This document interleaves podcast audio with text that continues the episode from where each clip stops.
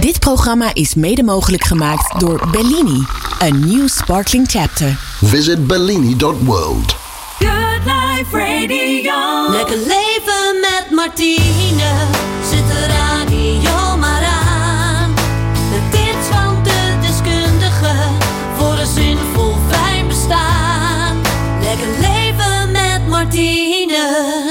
Ja, fijn dat je weer luistert. Ik ben Martine Houwert. In dit programma maken we omdat we iedereen echt een lekker leven gunnen. Zowel fysiek, mentaal als emotioneel. En waarin je passie en je hart kunt volgen. En waarin je de beste versie van jezelf kunt zijn. En we spreken iedere keer dan ook BN'ers en experts die heel veel tips en persoonlijke verhalen met je delen.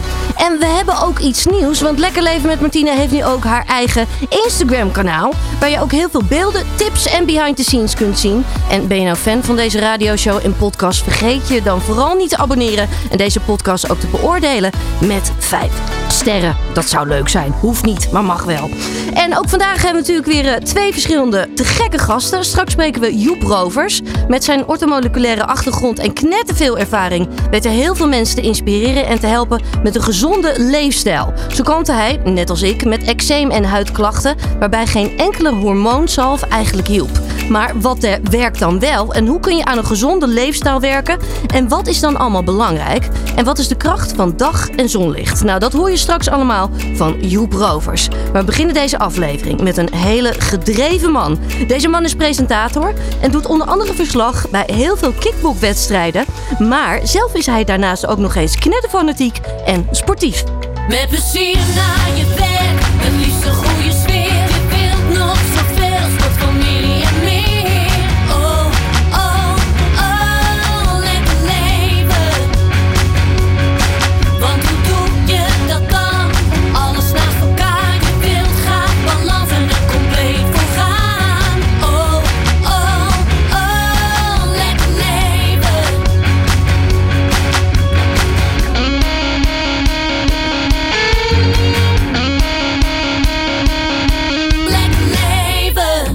Ja, de volgende man begon met modellenwerk na zijn HBO-studie bedrijfseconomie. En zo zagen we hem bijvoorbeeld bij heel veel grote merken, modeshows en commercials voorbij komen. Hij maakte een carrière switch en werd vervolgens presentator bij onder andere shownieuws en verschillende lifestyle-programma's op SBS6. En inmiddels zien we hem dan ook shinen als presentator bij Glory Kickboxing op Videoland en als verslaggever bij 112 Vandaag op RTL 5. Deze bevlogen presentator is daarnaast ook nog eens een enorme sportliefhebber. Denk aan crossfit en bootcamps. En naar eigen zeggen is hij ook knetterfanatiek.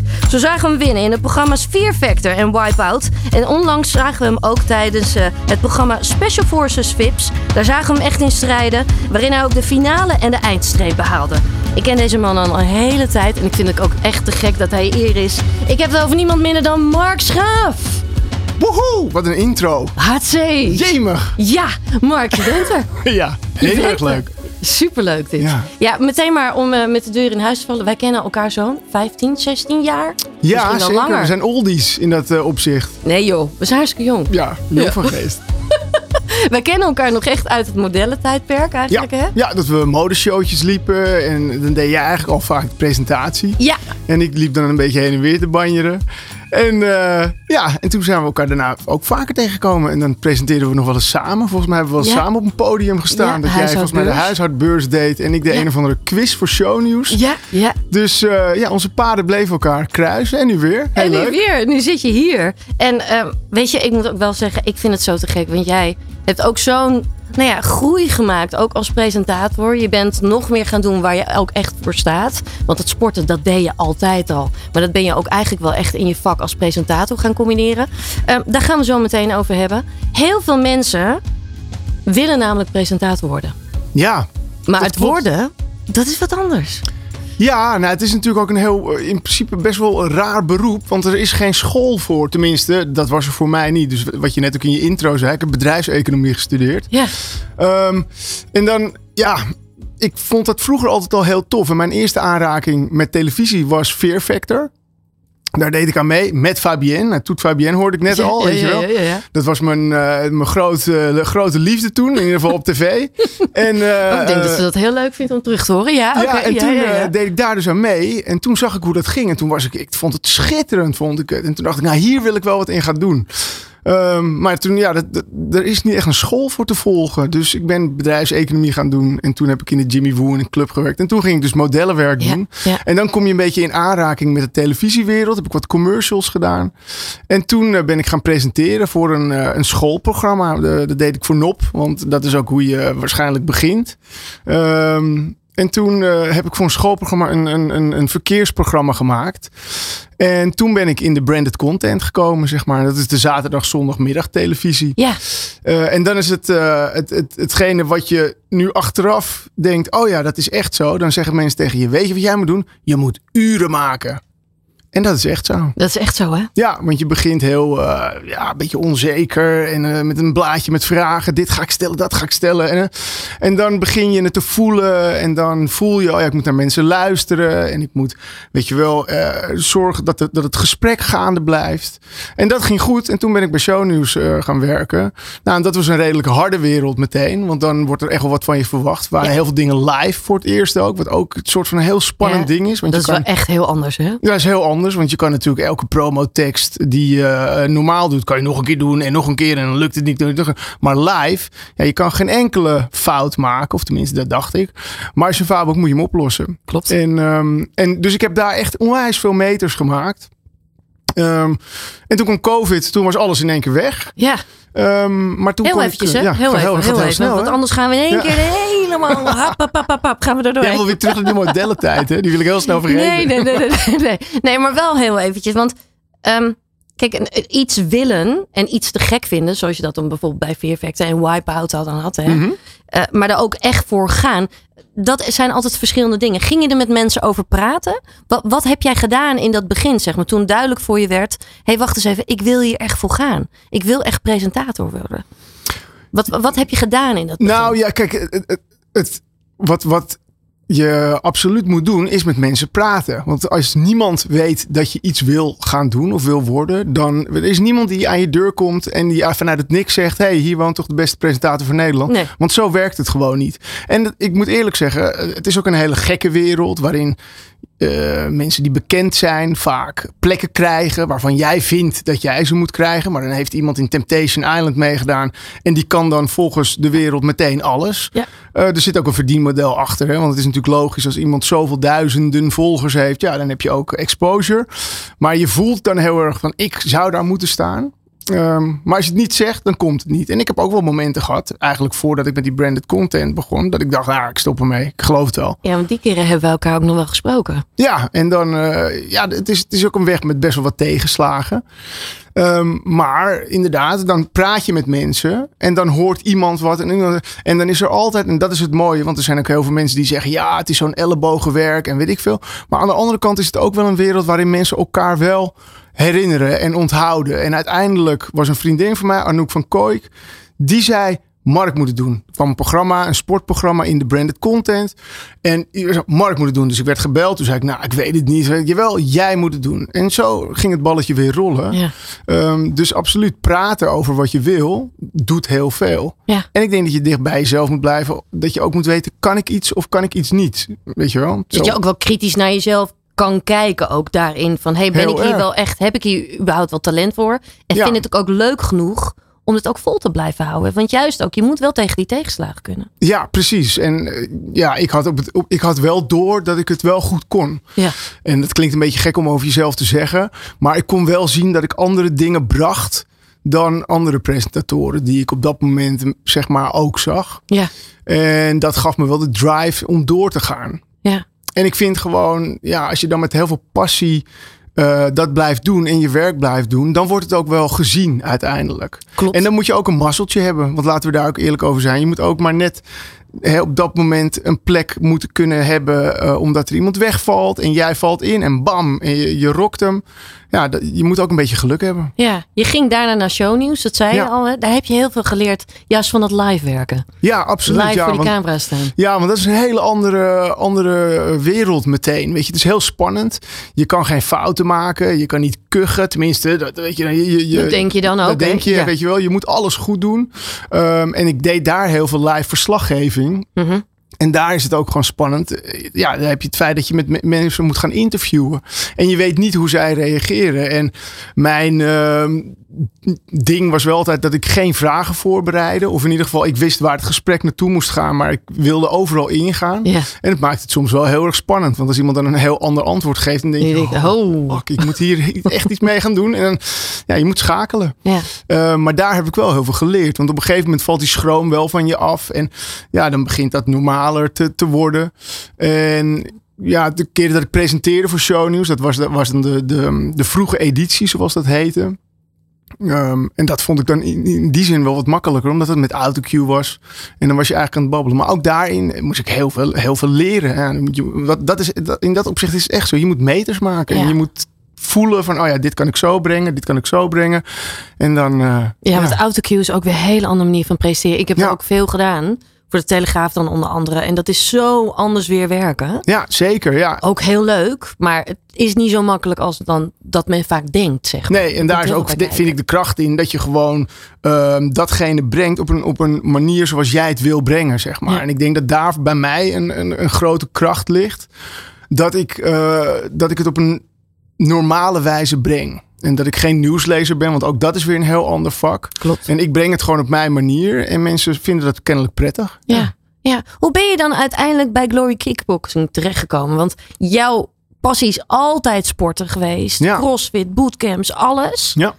Dit past zo bij jou. Ja, ja ik, ben, ik voel nu ook echt dat ik op mijn plek ben. Ja. En dat kwam eigenlijk omdat uh, bij Talpa ging uh, Veronica ging uh, Glory uitzenden. En Glory had een verslaggever nodig. En um, dat was wel een heel grappig ding. De eerste dat ik voor Glory ging werken, zou ik eigenlijk voor Talpa werken, voor Veronica. En dan zou ik de persconferentie, die duurt altijd een uur. Hè? Uh, en dan zou ik op de persconferentie, had je een Amerikaan, Todd Grisham. Die zou dan de hele persconferentie doen. Met welkom heten, gasten inleiden, bla bla. Maar op het moment dat de Nederlandse verslaggevers of, uh, verslaggevers of media een vraag hadden, mm -hmm. dan ging ik erin en dan zei ik: stel je vraag maar. Ja. Oké, okay, nou tot, dit is de vraag. En dat was het. Dus het was een heel simpel klusje voor me.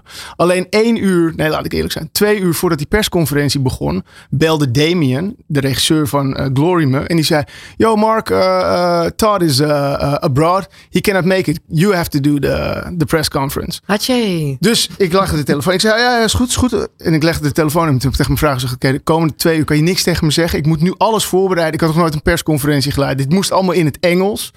Uh, en toen heb ik uh, een uur lang die persconferentie uh, ja, gepresenteerd. En toen dacht ik, wauw, dit is vet. Maar op dat moment ging het ook goed. Iedereen zag het. En toen zat ik er een soort van bij. En toen begon ik bij Glory evenementen, backstage verslaggeving te doen, stand-uppers. En toen was ja, binnen Glory was ik zeg maar de, de, de schakel binnen Nederland, zeg Ja. maar, qua verslaggeving en presentatie. Ja, En ja, toen heb ik, heb ik mijn strepen verdiend. Te gek. Ja, is echt, echt te gek. En toen heb ik een tijdje, eh, want toen kwam COVID, nou toen stopte alles bij Talpa. Toen heb ik voor Glory zelf gewerkt. Um, en toen begon Videoland, begon uh, de uitzendingen van Glory te doen. En toen was ik eigenlijk, uh, toen deed ik een persconferentie voor Glory. En daar zat iemand van Videoland, Marcel Meijer. En die zei, hey, ik wil dat Mark het gaat doen. En toen heb ik nog een screentest moeten doen met twee anderen. Maar ja, Marcel die was, ja, die was heel duidelijk. En van ik wil heel graag dat Mark het doet. En toen uh, ging ik de uitzendingen presenteren. Ja. ja, en dat ging ook supergoed. En nu uh, ben ik opeens de presentator van uh, Glory Kickboxing op Videoland. Ja, het, het, het, mooie is natuurlijk ook wel, alles komt wel samen. Hè? Want dat stukje wat je bij shownieuws hebt geleerd. Maar ook bij die lifestyle programma's. Het Ja. improviseren. uh, maar ook al je kennis op sportgebied. Alles komt dan wel in één keer samen. Ja, alles kwam samen. En wat voor mij heel erg prettig was, was dat ik um, altijd een soort van mijn eigen weg of mijn eigen pad gevolgd heb. En um, dat kwam voor, me, voor mij nu ook samen. Dus als ik nu bijvoorbeeld naar andere verslaggevers soms kijk, dan denk ik, ah, doe het vanuit je hart, weet je wel. En niet vanuit een zin die je uit je hoofd geleerd hebt met hoi, hi, ik ben die en hop. Weet je wel, nee, voel. Uh, wij zijn als verslaggevers en presentatoren.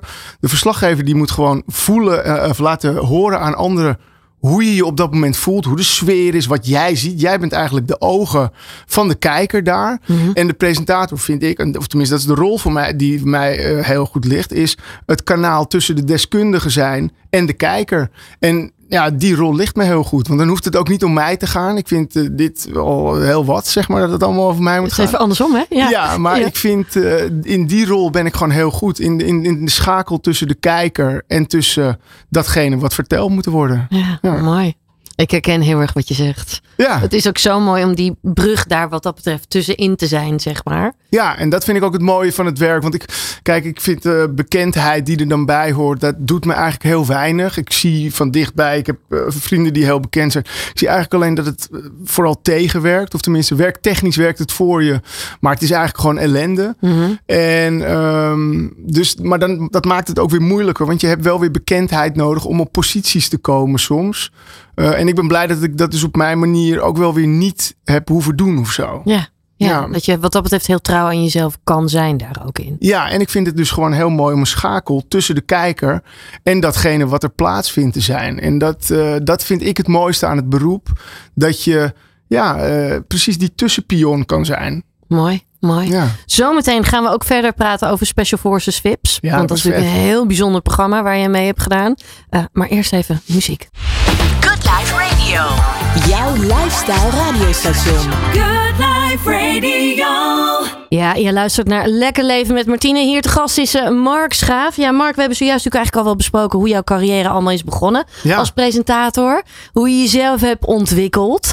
Eh, maar je hebt natuurlijk ook nog niet zo heel lang geleden heb je meegedaan met Special Forces VIPs. Ja, dat was echt, eh, echt helemaal te gek. Ja, heel bijzonder. Laten we eventjes meteen in die vibe komen van dat programma. Elf Vips begonnen aan het zwaarste avontuur van hun leven. Je gaat dingen voelen die je nog nooit hebt gevoeld. Nummer 1, Donny Roelvink. Nummer 4, Kai Gorgels. En nummer 11, Mark Schaaf zijn de enigen die nog over zijn. En zij gaan de laatste fase in. Ik ben bloedfanatiek. Ja, Ja, bloedfanatiek. Ja, ik krijg er ook meteen weer Ja. kippenvel van. Ja, ik krijg er echt kippenvel van. Dit was zo'n ontzettend gave ervaring. eh, die ook echt in mijn straatje lag. Want ik, eh, ja, we hadden het net over het BN'er zijn. En weet ik veel. Ik zie mezelf ook helemaal niet als BN'er. Nee. En ik vind van die shows meedoen ook niet per se dat ik, dat ik daar heel erg aan mee wil doen. Maar dit vond ik zo gaaf dat ik uitgenodigd werd. En ik dacht, ja, dit, ik moet meedoen. En eh, ja, dit was, dit was echt een fantastische ervaring. Maar je ging er ook helemaal vol in, hè? Ja, het, het, het, het gave van het programma is, is dat het eigenlijk meer een soort documentaire is. Dus waar je in andere programma's ja, ook wel een masker op kan hebben. Hè? Als je met eh, eh, expeditie meedoet, dan ben je, je bent met een spel bezig. En wij waren dus niet meer met een spel bezig. Je was na, op dag één werd er gezegd, niet met die camera's. Je mag niet naar ze kijken. Je mag niks zeggen. Je mag niet je omdraaien en zeggen, boah, zwaar zeg. Nee, niks met die camera's. En dan verdwijnt dat helemaal voor je. Dus wij zijn gewoon zeven dagen in hun wereld gekomen. Ja. En daardoor voelde het als een documentaire. En eigenlijk voelde die zevendaagse week meer als een soort van. eh, ja, alsof je op een. Op een, op een, op een eh, eh, als je een week op retraite gaat, zeg maar. Dus we Je bent gewoon helemaal weg eigenlijk van alles. Ja, je bent helemaal weg en je hebt echt oprecht het idee dat je eh, in die opleiding zit. En daarom, ik bedoel, als je er nu terugkijkt, zit je soms te kijken en denk je, oh, je kan eigenlijk elk moment kan je eruit snappen, maar dat kon dus niet. Nee. Dus wij zeggen, moeten, na 24 uur moeten wij een filmpje opnemen voor onze dierbaren. En dan zijn we allemaal aan het janken en dit en dat. Nou, ik zou je vertellen, als ik hier een dag niet thuis ben, heerlijk, wat een rust.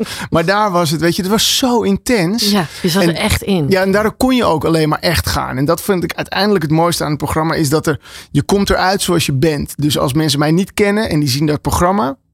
Zullen ze weten wie ik ben. Jij hebt het programma gezien, maar jij kent me. En jij zal zeg maar niet kunnen zeggen... Nee, dat was niet Mark. Dit is de tv-Mark. Nee, was maar echt niet de Mark. echte Mark. Maar, en dat vind ik het gaaf aan het programma. Ja. Echt, het is zo mooi wat eruit komt. Ja, het is heel puur.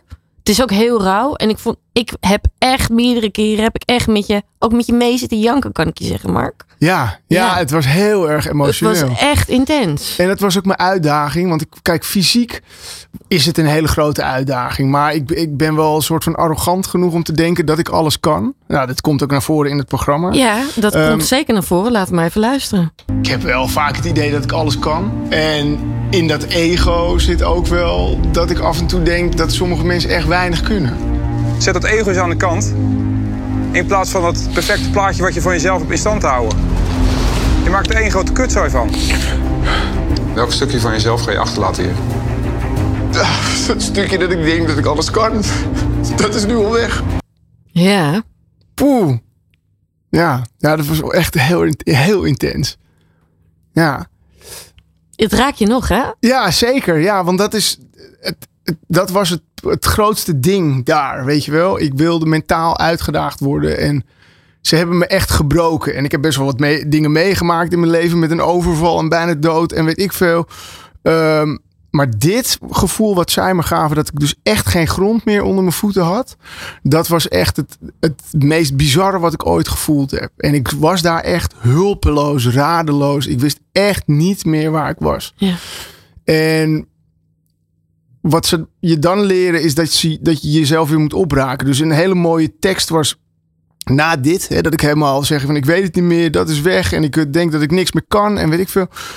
Toen kwam eh, Sander Aarts, een van die jongens, die kwam ochtends naar me toe. En toen mochten we een uurtje liggen in de zon. Nou, dat was een, echt een ding. En toen zei hij, hoe gaat het met je? Ik zeg, nou, ik zit op het allerdiepste punt. Ik zeg, ik ben wel stabiel, maar wel stabiel heel erg laag. En toen zei hij, oké. Hij zegt, eh, je bent nu op het allerdiepste punt, maar je moet denken aan water. Water is net als wijsheid. En water gaat naar het diepste punt. Daar zit jij nu. En jij moet nu met die wijsheid weer omhoog. En toen sterkte me dat zo dat ik dacht, oh ja, ik moet omhoog en ik moet blijven. En toen begon ik mezelf weer op te bouwen. En dat was echt een, echt, echt een fantastische reis. Het was maar een reis van één of twee dagen. Want na anderhalve dag was ik er weer. En was ik weer sterk. En kon ik die groep weer aan en leiden. En ik, en, maar dat, die reis was zo mooi om te zien dat je van zo diep en zo laag weer naar het punt kan gaan dat je met je borst vooruit staat en zegt, "Wow, ik kan dit, weet je wel, en ik doe het. En ja, dat was zo gaaf. Ja. Ja, Er zit zoveel kracht in, juist ook in die diepte, hè? wat dat betreft. Door juist Ja. zo diep te gaan, voel je ook in één keer daarna hoeveel kracht je eigenlijk in je lijf hebt zitten. Ja want je, je, je, je kan dus veel meer dan je denkt. En ehm, dat is daar ook wel duidelijk geworden. Wij hebben denk ik in die, in die, in die zeven dagen gemiddeld twee uur per nacht geslapen. We moesten uh, s'nachts van alles doen. Ik heb natuurlijk fysiek, nou ja, dat kan je ook zien. We gaan zo, zo, zo intens diep. Ehm, maar we zijn, we zijn er en we staan er, weet je wel. En dat was heel gaaf. En een van de grote lessen die ik er ook uitgeleerd heb, is dat van dat perfectionisme, is dat het dus niet altijd perfect hoeft. En dat goed ook al heel goed is. En daardoor, want dat vind ik nu weer zo fijn in mijn werk. Dat ik, ik ben veel relaxter, weet je wel. Dat ik denk, oh ja, het, er hoeft niet elk woordje, moet niet perfect zijn. Nee, het is, het goed is, is al goed, weet Ja. je wel. En dat was ook een hele mooie, mooie les eraan. Maar dat is dan eigenlijk wel iets wat je voor de rest van je leven misschien ook wel meeneemt naar dit programma. Zeker, zeker. Ja, dit programma heeft me levenslessen gegeven. Ja, absoluut. Mooi. Ja, het is het echt. En, en in dat opzicht, kijk, dit was natuurlijk voor televisie. Maar ik zou iedereen, want zij geven ook eh, cursussen. Nou, nu lijkt het een promopraatje, maar zij geven ook van die weekendcursussen. En ik zou dat iedereen aanraden. Want het is zo, zo verrijkend om te zien hoe diep je kan gaan en hoe laag je kan zitten. Maar hoe, hoe krachtig je er weer uit kan komen. Ja, fantastisch. Fantastisch. Nou hebben we in dit programma ook altijd een, ehm, een proostmomentje. Dat, doen we. Ja, het is toch heerlijk. Dat hoort ook bij een lekker leven. Ja, ik moet toch even een bruggetje maken. Want ik zou het liefst zou ik nog heel lang nu met je door Ja, willen zeker. praten hierover. Eh, maar eh, ja, we moeten nou helemaal door. Maar het lijkt me wel mooi om op dit moment juist te proosten. Want ja, dit is natuurlijk ook een heel mooie eigenlijk overwinning op jezelf geweest, dat programma. Eh, nou hebben we hier een, een drankje staan, een Bellini. Eh, Heerlijk. je, je gaat voor de Bellini, ga jij hè? Ja, Dus, ik wist het verschil niet je, zo heel je goed. kan voor een Bellino gaan of een Bellini. Eh Joep, jij bent volgens mij voor de Bellino gegaan. Ja, zonder, eh, zonder alcohol. Je kan Ah. lekker kuim kiezen. Nou. En dan is eigenlijk eh, de vraag, daar mag je eventjes over nadenken, eh, Mark. Ja? Het ultieme lekker leven gevoel. Dus echt dat je denkt, ja, dit is nou echt een fantastisch moment. Denk er even over na. Het ultieme lekker leven gevoel. Proost op een lekker leven. Waar proosten we op, Mark? We proosten voor als, als allereerst op de liefde. Want dat is uiteindelijk is dat het allermooiste. Ehm, dat zie je ook in het programma. Want dat is waar je dus alles voor doet. Dus het lekker leuk leven en het keiharde werken. Dat doe je uiteindelijk voor de liefde die je met je vrouw en je kinderen en je geliefden hebt. Dus het is heel cliché. Maar ik denk dat dat eigenlijk het, uiteindelijk de kracht is van alles. De liefde. En laten we dus daar proosten. Vind ik heel mooi. Cheers. Cheers. Cheers, guys. Ik doe het even zo. Huppatee. Proost. Cheers. Oh. Ik vind dat een hele mooie. Heel simpel eigenlijk hè. Maar het past ook wel weer Nou bij ja. me. Ja, maar zo ken ik je ook echt. Als een simpele gast. Als een simpele gast. Nee, nee, nee. Nee, ik ken je als een. uh, wel iemand, echt als een man. Waar liefde heel belangrijk is. Liefde voor het vak, maar ook voor de liefde voor collega's. Liefde voor je vrouw, inderdaad, voor de kids. Dat Ja. is wel zoals ik je ook echt ken. Ja, en dat is ook uiteindelijk wat het, wat het is. Want dat is het allermooiste. Je kan, je kan de wereld hebben, je kan geld hebben. eh, Maar uiteindelijk, als je daar alleen zit, is het niks. En ja, je, mensen om je heen en vooral dus geliefden, dat is het allermooiste. Ja, ben ik helemaal met je eens. Mark, ik wil je enorm bedanken voor het delen van je verhaal. Ja. Heel veel succes met alles wat je nog gaat doen. Want volgens mij gaan we nog heel veel van je zien. Eh, heel veel succes ook alles nog weer, nou ja, eh, privé, maar ook qua werk. En ik hoop je nog heel graag weer terug te zien. Lijkt me leuk. Zoveel te vertellen. Zo is het. Dankjewel. Je bent het zand, er is veel meer. Veel meer. Liefde, gezondheid,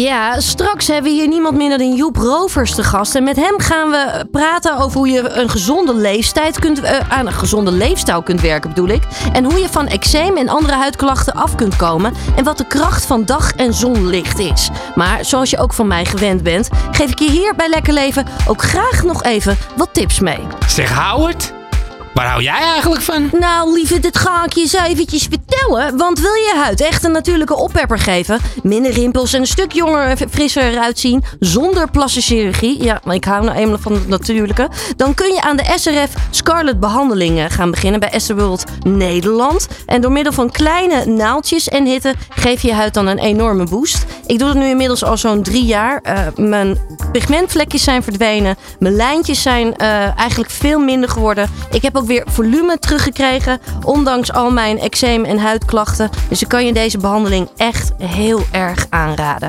En ehm, zometeen gaan we verder praten met Joep Rovers hier zo. Maar eerst gaan we nog eventjes naar muziek. Je bent het er is. Veel meer. Liefde, gezondheid,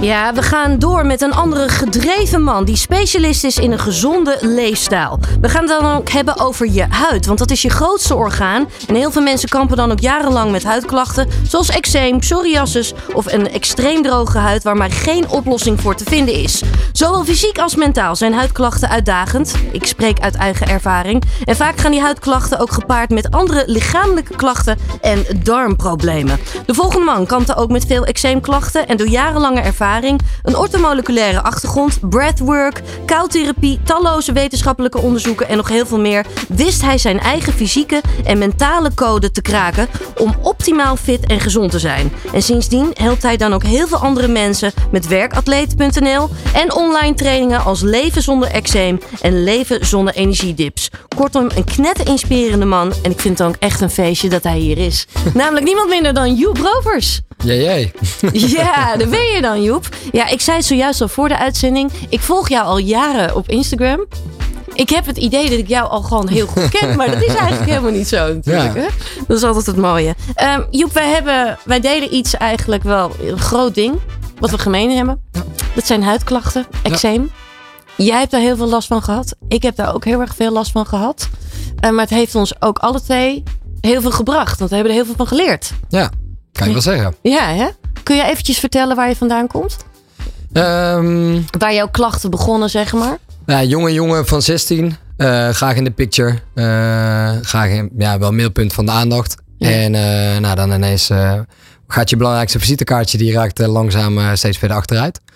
En dat begon met rode schilferige vlekken onder mijn ogen, in mijn wenkbrauwen, mijn hoofdhuid. Op een gegeven moment heel mijn hoofdhuid vol.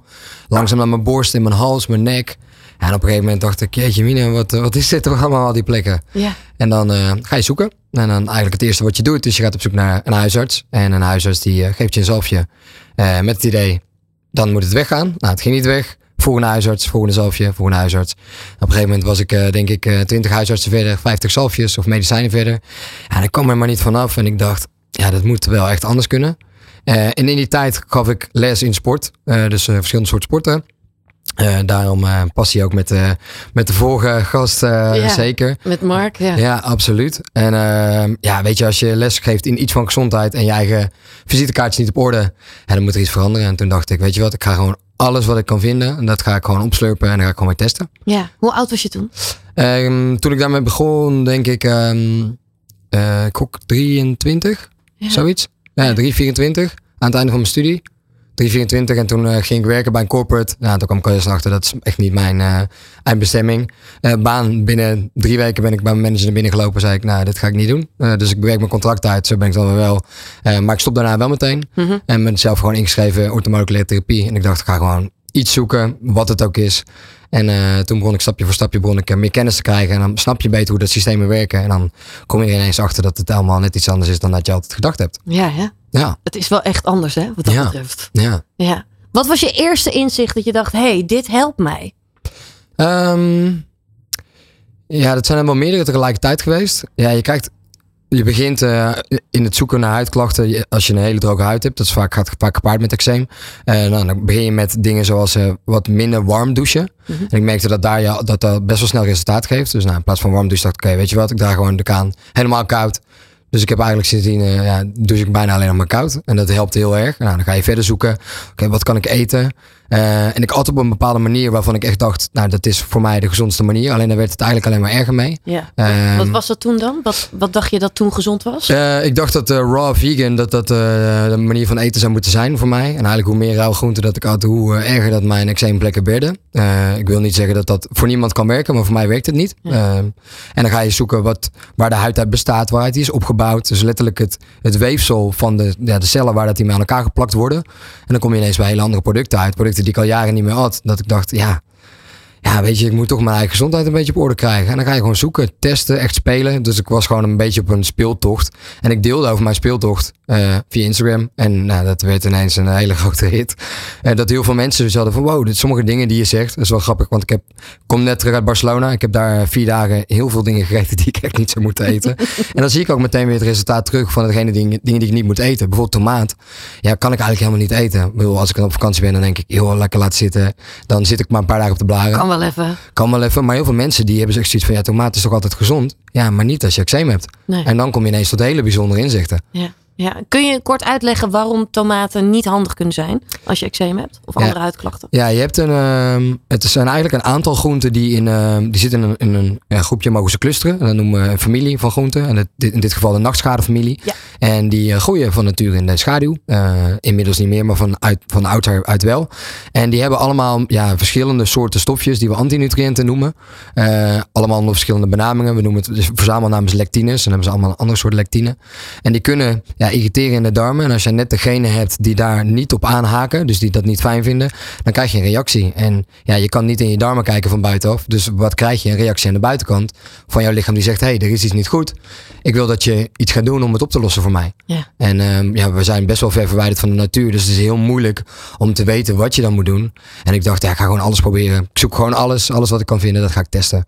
En eh, dan vind je het. Ja, fantastisch. Ik ben uiteindelijk ook op die manier ben ik erachter gekomen. Onder andere die nachtschades die je net noemde. Dat heeft mij uiteindelijk heel erg geholpen. Even eh, kort, eh, negen jaar geleden. Nou, ik heb eigenlijk mijn hele leven al wel eczeem gehad. Ook al als klein meisje, zeg maar. Maar dan was het vier, vijf jaar weg. En dan hup, dan had ik opeens weer eczeem in mijn gezicht. Of op mijn handen. Dat waren altijd de twee plekken waar het terugkwam. En in mijn gezicht was dan met name rondom mijn mond. Kan je ook niet verbergen, hè? helemaal niks. Ook niet met make-up. Kan je echt shaken. Ehm, en dan was het jaren weg. En dan kwam het weer terug. Ook soms tijdens het modellenwerk, Mark. Dat was echt heel vervelend. Dus dan voel je ook die druk. Later ging ik presenteren. Was het eigenlijk jaren weg. En toen kwam ik in een eh, heftige fase terecht. Waarin veel stress plaatsvond. Het ging die eerste twee jaar ging top. Lekker veel cortisol. Ging hartstikke goed. En toen nam ik rust. En toen werd ik heel, heel ziek. Ja. Heel ziek. Mijn hele gezicht, ik heb zojuist foto's laten zien, Ja.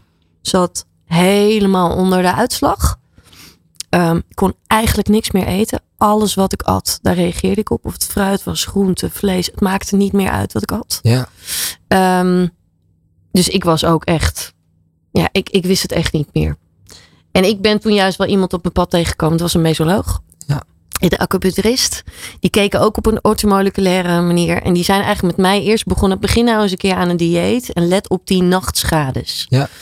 Eh, En dat was meteen al een wereld van verschil.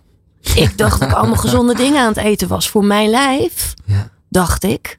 Inderdaad, waaronder tomaat. Eh, maar ook eh, aubergine, courgette. al dat soort dingen, zeg Ja. maar. Spinazie had ik heel veel. Ja.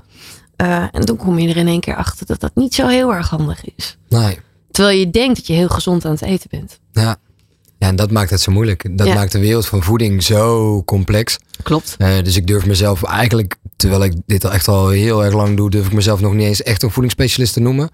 Omdat het heel erg moeilijk is. Het is je hebt twee uitersten. Je hebt, als je online gaat kijken, carnivore en vegan, die strijden heel de dag tegen elkaar. Ja. En allebei claimen ze heel hard dat ze de waarheid hebben. Ja, ze hebben allebei iets gevonden wat voor hen werkt. Maar dat wil niet zeggen dat het voor iedereen werkt. Nee, en zeker dat niet. zeker als je eczeem hebt, dan kom je er echt wel met de harde hand achter.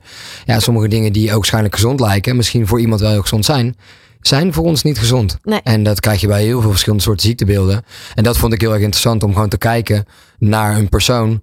Ja, we gaan gewoon testen. Het is gewoon een speeltuin. En als je mij vertrouwt, dan gaan we gewoon samen die speeltuin in. Ja. En dan gaan we gewoon kijken wat we kunnen vinden. En dan eh, hoop ik het op te lossen bij je. Is dat, oh, ja? Nou, is dat testen? Gaat, is dat dan, dat doe je alleen maar door eten, sommige eff- dingen niet te eten? Of doe je dat ook door bijvoorbeeld een allergietest te nemen? Of, af te, of, of heeft dat niks met elkaar te maken? Hoe, Want hoe, jullie zijn er allebei achter gekomen. Ja. Maar het is ook weer, lijkt mij heel moeilijk om te zeggen: oh ja, ik ga alleen die nachtschade. Ja, Ja. ik weet niet eens de lijst van, van, Nee. van het nachtschade. Hoe, hoe hebben jullie dat dan allebei, eh, hoe zijn jullie daarachter gekomen? Ja, je, je hebt intolerantietesten. Dus echte allergieëntesten, die testen in het ziekenhuis. Eh dat testen ze op best weinig producten, vind ik. Ja. Eh, dus dat zijn dan, ze testen 20 allergenen. En die hebben dan een kruisallergie met een andere soort stof. Dus dat testen in totaal 90 verschillende dingen. Eh, maar een allergie is heel anders dan een intolerantie. Een intolerantie kan bijvoorbeeld een aantal dagen duren voordat het reactie geeft. Dus de intolerantietesten zijn niet super betrouwbaar. Daar staat de wetenschap ook niet helemaal achter. Ehm, dus ja, eigenlijk de beste manier is eliminatie. Je gaat een aantal dingen eruit halen. Als je bij de, de meeste orthomoleculaire therapeuten of natuurgeneeskundigen, die weten echt prima die lijstjes. En die gaan gewoon samen met jou kijken. En ook vooral zorgen dat je hetgene wat je binnen moet krijgen, wat herstel gaat geven. Dus waar bestaat jouw darmwand bijvoorbeeld uit? De darmen, als die geprikkeld worden, is vaak een reactie naar buiten toe vanuit de huid dat je dat ziet. Eh, dus oké, wat kan, kunnen we doen om die darmwand te repareren? Dan heb je een aantal voedingsproducten die bij de meeste mensen ja, ik zeg altijd de meeste, ja, one size fits all, want dat kan ik niet voor iedereen zeggen, maar bij de meeste mensen een positieve reactie geven om het herstel te bevorderen. Ja. Dus dan ga je enerzijds ga je iets eruit halen wat een negatief effect heeft, anderzijds ga je iets toevoegen wat een positief effect heeft. En al die negatieve dingen die haal je er een tijdje uit en die ga je daarna één voor één voorzichtig weer proberen. En dan kan je eigenlijk heel snel, bij mij, ik weet bijvoorbeeld dat tomaat echt een trigger is, want ik kan het in twee dagen zie ik het als ik het gegeten heb. Dan is het heel simpel. En bij sommige mensen zijn het vijf dingen, bij sommigen zijn het er tien. En de enige manier hoe dat je er echt zeker weet achter kan komen, is gewoon door te blijven testen. Ja. Ja, mooi. Ja. ja, en zo is het bij mij eigenlijk ook gegaan. Want ik heb genoeg testen gedaan, Mark. Dan kwam ik er iedere keer eigenlijk heel gezond uit. Dus dan denk je, oké, maar ik zit ziek thuis. Maar uit die testen kom ik er gezond uit. Dan gaat hier echt iets helemaal compleet mis. Ehm, dus dan ga je doorzoeken. En Ja. doorzoeken en doorzoeken. En toen kwam ik dus wel ook nou ja, bij dezelfde dingen eigenlijk uit als jij, Joep. Ja. Ehm, je zei al, ehm, dingen die je kunnen helpen. Hè? Die je darmen met name ook goed kunnen helpen. Ja. Eh, wat heeft bij jou goed geholpen? Ja, dus het is best wel een breed rijtje. Want wel mooi om in te haken op jouw stukje van stress. Eh, als we gaan kijken hoe dat stress geregeld wordt in het lichaam, puur fysiologisch. En je hebt eigenlijk één systeem die ervoor moet zorgen dat wij mensen kunnen blijven bestaan. Dieren hebben datzelfde systeem. Dat is het autonome zenuwstelsel. En dit systeem heeft eigenlijk twee standen. Dat is ofwel actiestand ofwel ruststand. Nou, in de ruststand krijgen de darmen de tijd en de ruimte om eh, voedingsstoffen op te nemen of om eh, hormonen goed te produceren die geproduceerd moeten worden. Maar als je in de actiestand zit, dan ben je bezig met letterlijk met overleving. Dat is wat het autonome zenuwstelsel doet en denkt. Ja. Nou, als je in die staat van zijn bent, en dan heb je maar een aantal dingen nodig. En dat is heel veel energie, dat is heel veel zuurstof, eh, maar niet ja, energie verspillen om eten te verteren. Of geen energie verspillen om aan voortplanting te denken. Klopt. Dus wat je ziet is als mensen heel erg gestrest zijn, heel erg lang, dat voedingsstoffen steeds minder goed opnemen. Dat de darmen steeds poreuzer worden. Eh, vaak libido-daling is ja, één op één met een hoog stressgehalte. Op het moment dat je dan ineens terugzakt naar die ruststand, wat jij bijvoorbeeld had, krijgt jouw lichaam ineens de kans. Ah, tijd en ruimte om mezelf weer te repareren. Ja, en tijd en repareren. Ja, als je een huis gaat bouwen of een huis gaat repareren, dan komen ook afvalstoffen bij vrij. Dus als jouw darmen weer gerepareerd moeten worden, ja, ga er maar vanuit dat er een berg aan afvalstoffen naar buiten komen. En die moeten er ergens uit. Ja. Dus dat is bijvoorbeeld bij de huid. Dus stress is een hele grote factor. En ik denk ook ehm, de voeding die wij eten. eh, dit altijd een beetje een, een discussiepunt of dat dit echt zo is. In mijn gedachtegang, dus ik zeg echt, dit is echt mijn mening. Denk ik dat de jagers en verzamelaars eh, omnivoren waren. Dat wil zeggen, ze aten wel maar planten en wel dierlijke producten. En als Mhm. ze dieren aten, dan aten ze het hele dier. Ja. Eh, en iets wat mij persoonlijk heel veel geholpen heeft, is bottenbouillon. Ja. Eh, ik ben opgegroeid op een boerderij. Ja, bone broth. Daar Ja. aten we alles. Dus daar aten we ook de organen, aten we van de dieren. Ja, voor mij klinkt het ook helemaal niet gek. Want het was gewoon zo. We hadden eigenlijk schapen. Ja, als een schaap dan toch naar de slag moest, dan maar alles eten en alles gebruiken. Ik had precies hetzelfde. Want mijn eh, moeder, ik heb een Poolse moeder. Ook van de boerderij, inderdaad. Eh, mijn moeder, want ik ging dus ook terug. Wat deed mijn moeder als ik ziek was? Ja. Mijn moeder leeft helaas niet meer. Maar ik dacht wel, wat deed mijn moeder altijd vroeger? En dan maakte ze inderdaad bottensoep. Bottenbouillon, ja. Ja, bone broth heet dat, wordt dat vaak Ja. genoemd. En dat hielp als een malle meteen. Dat is niet waar je het eerste aan denkt. Nee. Je denkt lekker veel groente, al dat soort dingen. Ja. Eh, maar het hielp bij mij echt als een malle in één keer. Ja. ja, en dat is ook iets wat ik. Dat is voor heel veel mensen wel een grote drempel. Zeker ehm, als jij ervan overtuigd bent dat het verstandig is om geen dierlijke producten te Ja, eten. Eh, ik kan me dat goed voorstellen, want ik heb het zelf vier jaar lang gedaan. Ja. Ehm, alleen als we gaan, puur gaan kijken, gewoon echt voedingsstoftechnisch. eh ja, dan zitten daar gewoon zoveel voedingsstoffen in. Waar dat en wel je huid bij gedijt, maar ook gewoon je darmen letterlijk mee gerepareerd worden. Ja. ja en als je dat dan gaat proberen en je ervaart dat het iets doet, dan weet je gewoon dat je op de goede weg zit. Ja. En dat is heel mooi van de oude, oude wijsheden. Ja, mijn oma die maakt ook altijd bottenbouillon. Dus als je daarover na gaat denken, die aten ook lever altijd. Dat was gewoon normaal. Ja. Alleen dat is niet meer normaal. Dus ik probeer daar eh, heel fanatiek weer een beetje terug te brengen. Ja, je noemt al lever. Ja. Ook dat hè? Ja, Orgaanvlees. dat. Ja. Kan Ja. knettergoed werken met dit soort dingen. Ja, ja, dat is heel grappig. Want die, heel veel mensen eten het niet. Het is ook heel spannend. Het is ook een beetje misschien vies zelfs als je ja, erover zeker als je het nadenkt. niet kent. Als je het niet kent en je hebt het in je handen, je hebt een stuk lever in je handen, kan ik me best voorstellen dat het afschrikt. Eh, puur kijkend naar gewoon voedingsstoffen, echt letterlijk voedingsstoffen. Je vindt er een aantal voedingsstoffen in die je gewoon nergens anders meer in vindt. En als je gaat kijken eh, naar bepaalde klachtenbeelden of ziektebeelden, eh, bijvoorbeeld nachtblindheid is er eentje die heel veel terugkomt nu, zeker bij jongeren. Ja, nachtblindheid is wat we orthomoleculair één op één koppelen aan een retinoltekort. Retinol is een, eh, de actieve vorm van vitamine A. Ja. Ja, die kan je maar in één product vinden en dat is een lever. Nou ja, ga je iemand met nachtblindheid lever toedienen, eh, doe het een week en nachtblindheid is verdwenen. Ja. ja, dan kan je maar niet vertellen dat dat niet klopt. Zeg maar. Dan is dat voor mij gewoon bewijs genoeg dat het werkt. Ja. En dat vind ik spelen met een, eh, met een gezonde leefstijl. Ja, fantastisch. Als we nog eventjes verder gaan. Hè? Als mensen nu enorme huidklachten hebben. Ja. Wat zou je ze dan mee willen geven? Want we hebben het al genoemd. Hè? Kijk bijvoorbeeld naar die nachtschades. Ja. Broth, dus Ja. bottensoep. Ehm, orgaanvlees kan heel erg goed helpen. Ja. Wat zouden we nog meer kunnen noemen? Ehm, ja, er is. Ook dit is zonder een reclamepraatje te houden. Maar er is één ehm, bedrijf in Nederland dat eh, rauwe gefermenteerde zuivel mag verkopen. Ja. En doordat het gefermenteerd is, eh, is het, zeg maar, heeft het zo'n lage zuurgraad dat de eventuele slechte bacteriën van de rauwe zuivel niet meer bestaan. Dus zij mogen dat verkopen. En ik ben daar geweest bij, eh, bij het bedrijf. En zij, eh, ja, zij heeft een waslijst aan reviews en foto's van mensen laten zien. Met huidklachten die ze geholpen heeft. Echt alle soorten huidklachten die je maar kan bedenken. Dat vind ik super interessant. Dus dat eh, zou echt wel eentje kunnen zijn om naar te kijken. Ja, stress blijft altijd een ding. Zeker in de huidige maatschappij. Ehm, probeer je dagen zo in te delen dat je eh, s ochtends lekker rustig opstart. Eerst wat daglicht ziet. eh, om je biologische klok eventjes te laten synchroniseren. Waarmee dat systeem ook kunnen gaan starten. Ehm, ademhaling is een super belangrijke. Dus neusademhaling is, is voor dat systeem, dat autonome zenuwstelsel, een teken dat je in de ruststand zit. Nou, in de ruststand krijg je kans om te herstellen, krijg je kans om te repareren. Dus veel focus op neusademhaling. Dus stel Ja. dat je in bed ligt en dat je bijvoorbeeld heel erg aan piekeren bent. Piekeren is bijvoorbeeld een teken dat je ook in die actiestand zit. Nou, kijk dan eens of dat je kan focussen op die ademhaling. Neusademhaling, vertragen. Ehm, hele mooie en belangrijke. Mooi. Koud douchen, absoluut eentje. En zo kunnen we nog een hele waslijst meer meegeven. nou, Mark, ik, ik moet ook wel aan jou denken. Want jij bent ook altijd jarenlang altijd met aan het sporten, eh, sporten bezig, zeg maar. Ademhaling is knetterbelangrijk, hè? Ja. Juist ook als je eventjes bijvoorbeeld ook bij Special Forces VIPs. Je Ja. hebt maar heel kort een break. Dan is die ademhaling zo belangrijk dat je het dan weer goed op orde hebt. Ja, ik, eh, ik heb een tijdje dat Wim Hof eh, ook gedaan. Ook Kijk. met koud douchen en dat soort dingen. En ik ben een keer bij hem geweest. En dan zie je ook met het ademhalen. Dan zegt hij... eh, ga maar vij- ja, je gaat nu ademhalen, dan ga je 50 keer opdrukken. Nou, ik ben heel sportief. Ik heb mijn leven nog nooit 50 keer achter elkaar opgedrukt. Maar als je dat dus doet... En dan zegt hij op een gegeven moment... Adem in, stop. En nu, dan moet je opdrukken. Dan mag je niet meer ademen. En dan doe je er dus 50. En ehm, mij, mij heeft het heel erg geholpen met die special forces. Ook qua herstel, maar ook qua mind, zeg maar. Want je focus gaat dan van je pijn naar die ademhaling. Ja. Dus als je die neus in, mond uit. Ja, het klinkt heel stom, maar dat, dat doen kickboxers al jaren. Sporters in het algemeen doen dat al jaar.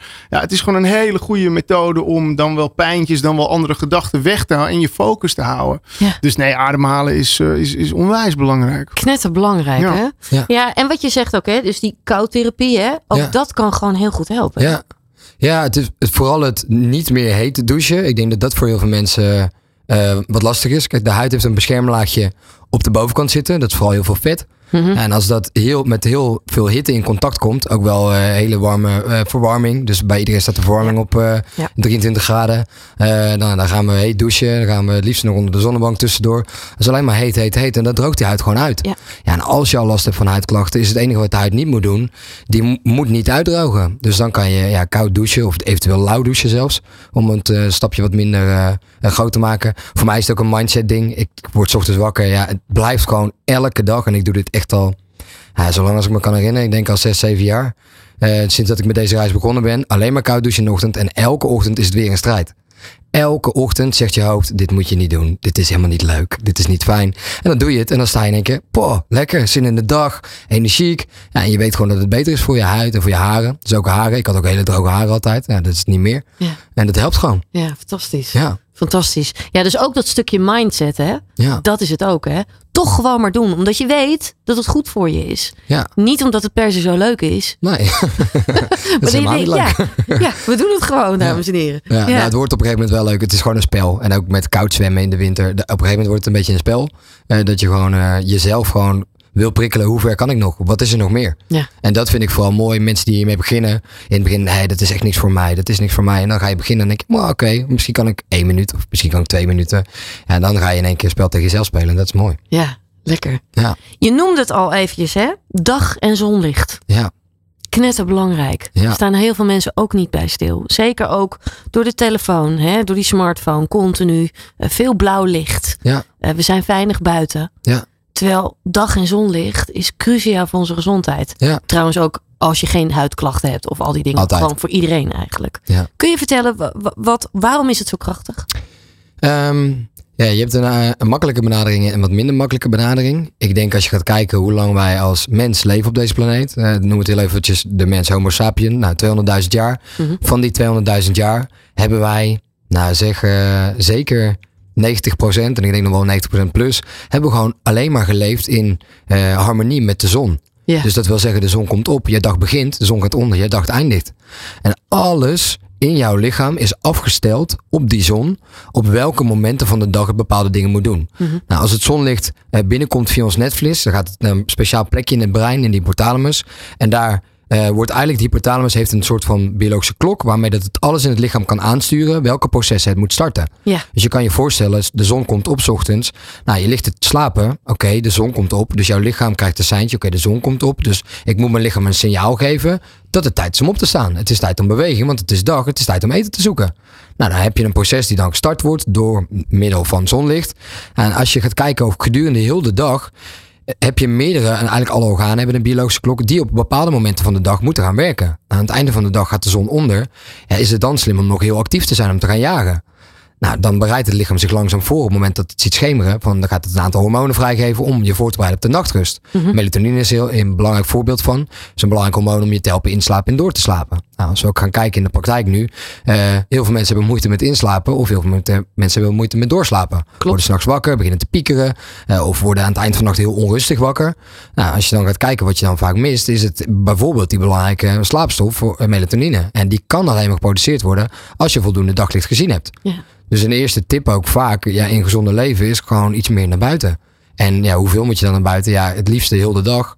Maar ja, dat is natuurlijk niet meer eh, optimaal. Dat gaat niet meer gebeuren in deze tijd. Gewoon elke minuut meer, eh, of elke morgen elke minuut meer dan vandaag is al winst. Ja. En zo makkelijk mag het ook gewoon zijn in een gezonde leefstijl. Kijk gewoon wat je kan doen. Kijk hoe vaak dat je naar buiten kan. Kijk op welke momenten dat je daar tijd voor hebt. Nou, s ochtends vroeg voordat je naar het werk gaat. Nou, pak, pak daar wat daglicht. Tijdens je werktijd zet gewoon een aantal blokjes in je agenda. Net als eh, trainen zet ik bij mij ook in mijn agenda. Dan mogen er ook geen afspraken ingeschoten worden. Nou, daglicht. Help elkaar daaraan te herinneren. Eind van je werkdag. Gewoon even een wandeling. Kan je ook eventjes alles wat er gebeurd is. Even laten zakken. Eh, S'avonds, ja, dat blauw licht, dat blijft een dingetje. Eh, ik zou proberen zoveel mogelijk te vermijden. Dus niet heel de avond eh, te Netflixen. Doe je toch, bescherm je ogen dan met een oranje blue light filterbril bijvoorbeeld. Ja. Dat is iets wat veel gebruikt wordt door biohackers. Ja, het werkt gewoon als een trein. Ja, liever wil je het niet, maar dan, dan maar zo. Dus dan kan je wel gewoon je Netflix-serie kijken en heb je er minder last van. Ehm, en daarmee gewoon te sturen naar een optimaal gezond leven. Door juiste hormoonwerkingen op de juiste tijden te laten ja, functioneren. Ja, en het mooie is ook wel, sinds ik daar ook, want ik ben daar dus ook eh, 9 à 10 jaar geleden, ben ik daar ook meer aandacht aan gaan geven. Het mooie is ook, het, het, het reguleert ook gewoon enorm je stress. Ja. Doordat je juist die, die, die, nou ja, die prikkels skipt. Ook van je telefoon. Uh, maar ook gewoon echt eventjes naar buiten gaat. Hè. Natuur werkt zo Mhm. goed. Eventjes een half uurtje alleen even in de natuur zijn. Oh man, je denkt meteen anders. Ja, ja, dus, op, is dat. dus op allerlei manieren werkt het door als je meer naar buiten gaat. Ja. Ja, ja, dan is wel natuurlijk naar buiten zonder afleiding. Of tenminste het liefste zonder Dat. afleiding. Maar zelfs gewoon naar buiten lopen. Loop de, de deur uit. Sta en zorg eventjes dat jouw brein kan synchroniseren met het daglicht. Wat je dus heel veel ziet in de zomer. En dat is een heel mooi eh, een modieus eh, onderwerpje. Maar iedereen loopt met een zonnebril op 's ochtends vroeg. Ja. als je met een zonnebril op loopt 's ochtends vroeg. Dan krijgt je brein een signaal dat het s'avonds laat is. Nou, wat denk je dat er dan gebeurt? Wordt er dan energie aangemaakt of gaat jouw lichaam zich dan voorbereiden op de nachtrust? Ja, dan snap ik wel dat je heel de dag achter de feiten aanloopt. Dus probeer die zonnebril af en toe een keer wat af te zetten. Zodat jouw brein kan synchroniseren met het moment van de dag. Ja. Zodat jouw lichaam weet, oké, op dit moment moet ik deze processen starten. Omdat ik me moet voorbereiden op, noem een maaltijd. Of ik noem een sportief moment. Of ik noem een, eigenlijk een jaagmoment of een focusmoment. Het zijn allemaal hormonen die op verschillende tijden van de dag vrijgegeven worden. Als jouw lichaam weet waar het zich bevindt op de dag. Klopt. Ja. Ja. En dat is optimalisatie. En eigenlijk hele, ja, voor mij hele logische optimalisatie, want we hebben dat altijd gedaan. Dat is het. Ja. Ja, het is eigenlijk gewoon weer helemaal weer terug naar de natuur eigenlijk. Ja. En nog meer leven naar de natuurwetten eigenlijk. Ja. Daar komt het wel op neer. Joep, we kunnen hier nog echt uren over doorpraten. Dat gaan we gewoon een andere keer doen. Ja. Dat lijkt mij in ieder geval heel erg leuk. Ik wil je in ieder geval heel erg bedanken voor het delen van je verhaal en van je kennis. Eh, mensen kunnen alles ook nog weer terugvinden bij je. Ja. Ja, ik deel eh, gewoon zoveel mogelijk. Ik, het is ook niet mijn kennis, dus het is ook wel vaak wel grappig. Het is niet dat ik dit uitgevogeld heb. Ik leer ook veel van heel veel mensen. En ik eh, probeer dat gewoon te delen met anderen. Ja, super. Ja. Mensen kunnen terugvinden bij uh, werkatleet.nl, maar ook op je Instagram eh, kanaal Joep Rovers. Ja. Nou, dan kunnen ze natuurlijk ook nog weer naar je website gaan. Joep, nogmaals eh, heel erg bedankt. voor je komst en heel veel succes met alles wat je gaat doen. Dankjewel.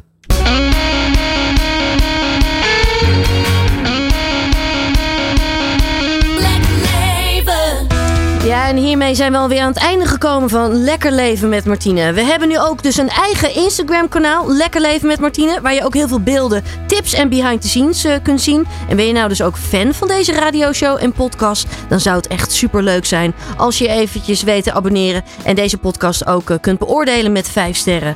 Ik wil je heel erg bedanken voor het luisteren. Super fijn dat je er bent. Maak er nog een hele mooie dag van en heel graag tot de volgende keer.